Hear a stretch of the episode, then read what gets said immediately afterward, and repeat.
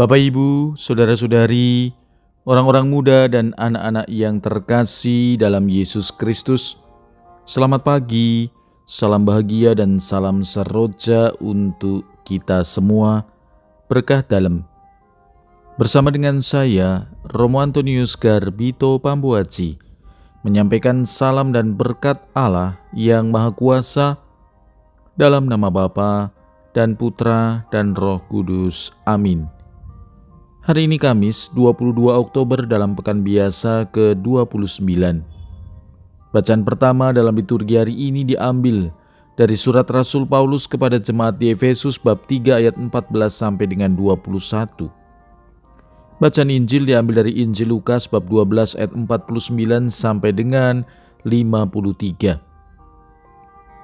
Pada suatu ketika, Yesus bersabda kepada murid-muridnya, Aku datang untuk melemparkan api ke bumi dan betapa kudambakan agar api itu selalu menyala.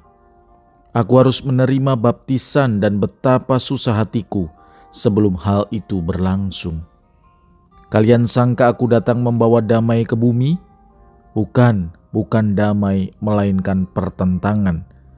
Karena mulai dari sekarang akan ada pertentangan antara lima orang di dalam satu rumah tiga melawan dua dan dua melawan tiga.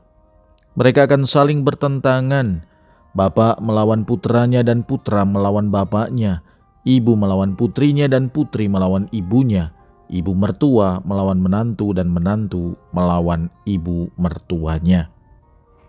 Demikianlah sabda Tuhan, terpujilah Kristus. Saudara-saudari yang terkasih dalam Yesus Kristus, dalam Injil hari ini Yesus berkata, Aku datang melemparkan api ke bumi dan betapa ku dambakan agar api itu selalu menyala.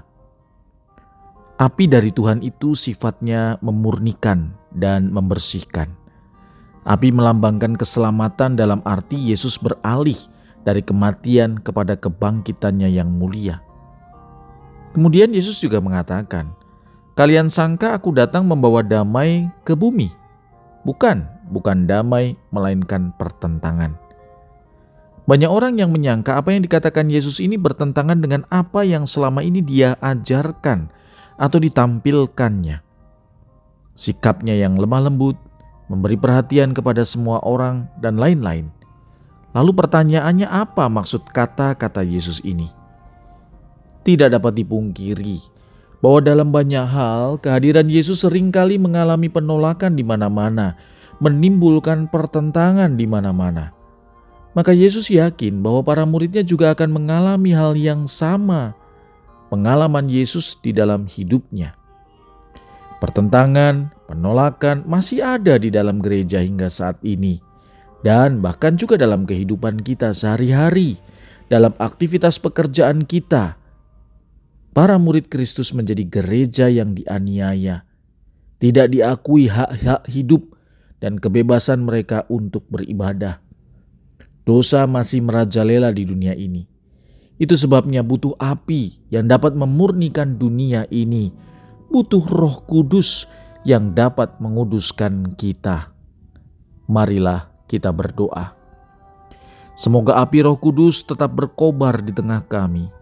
Sehingga semangat pengorbanan dan cinta kasihmu tetap nyata di dunia ini berkat Allah yang Maha Kuasa, dalam nama Bapa dan Putra dan Roh Kudus. Amin.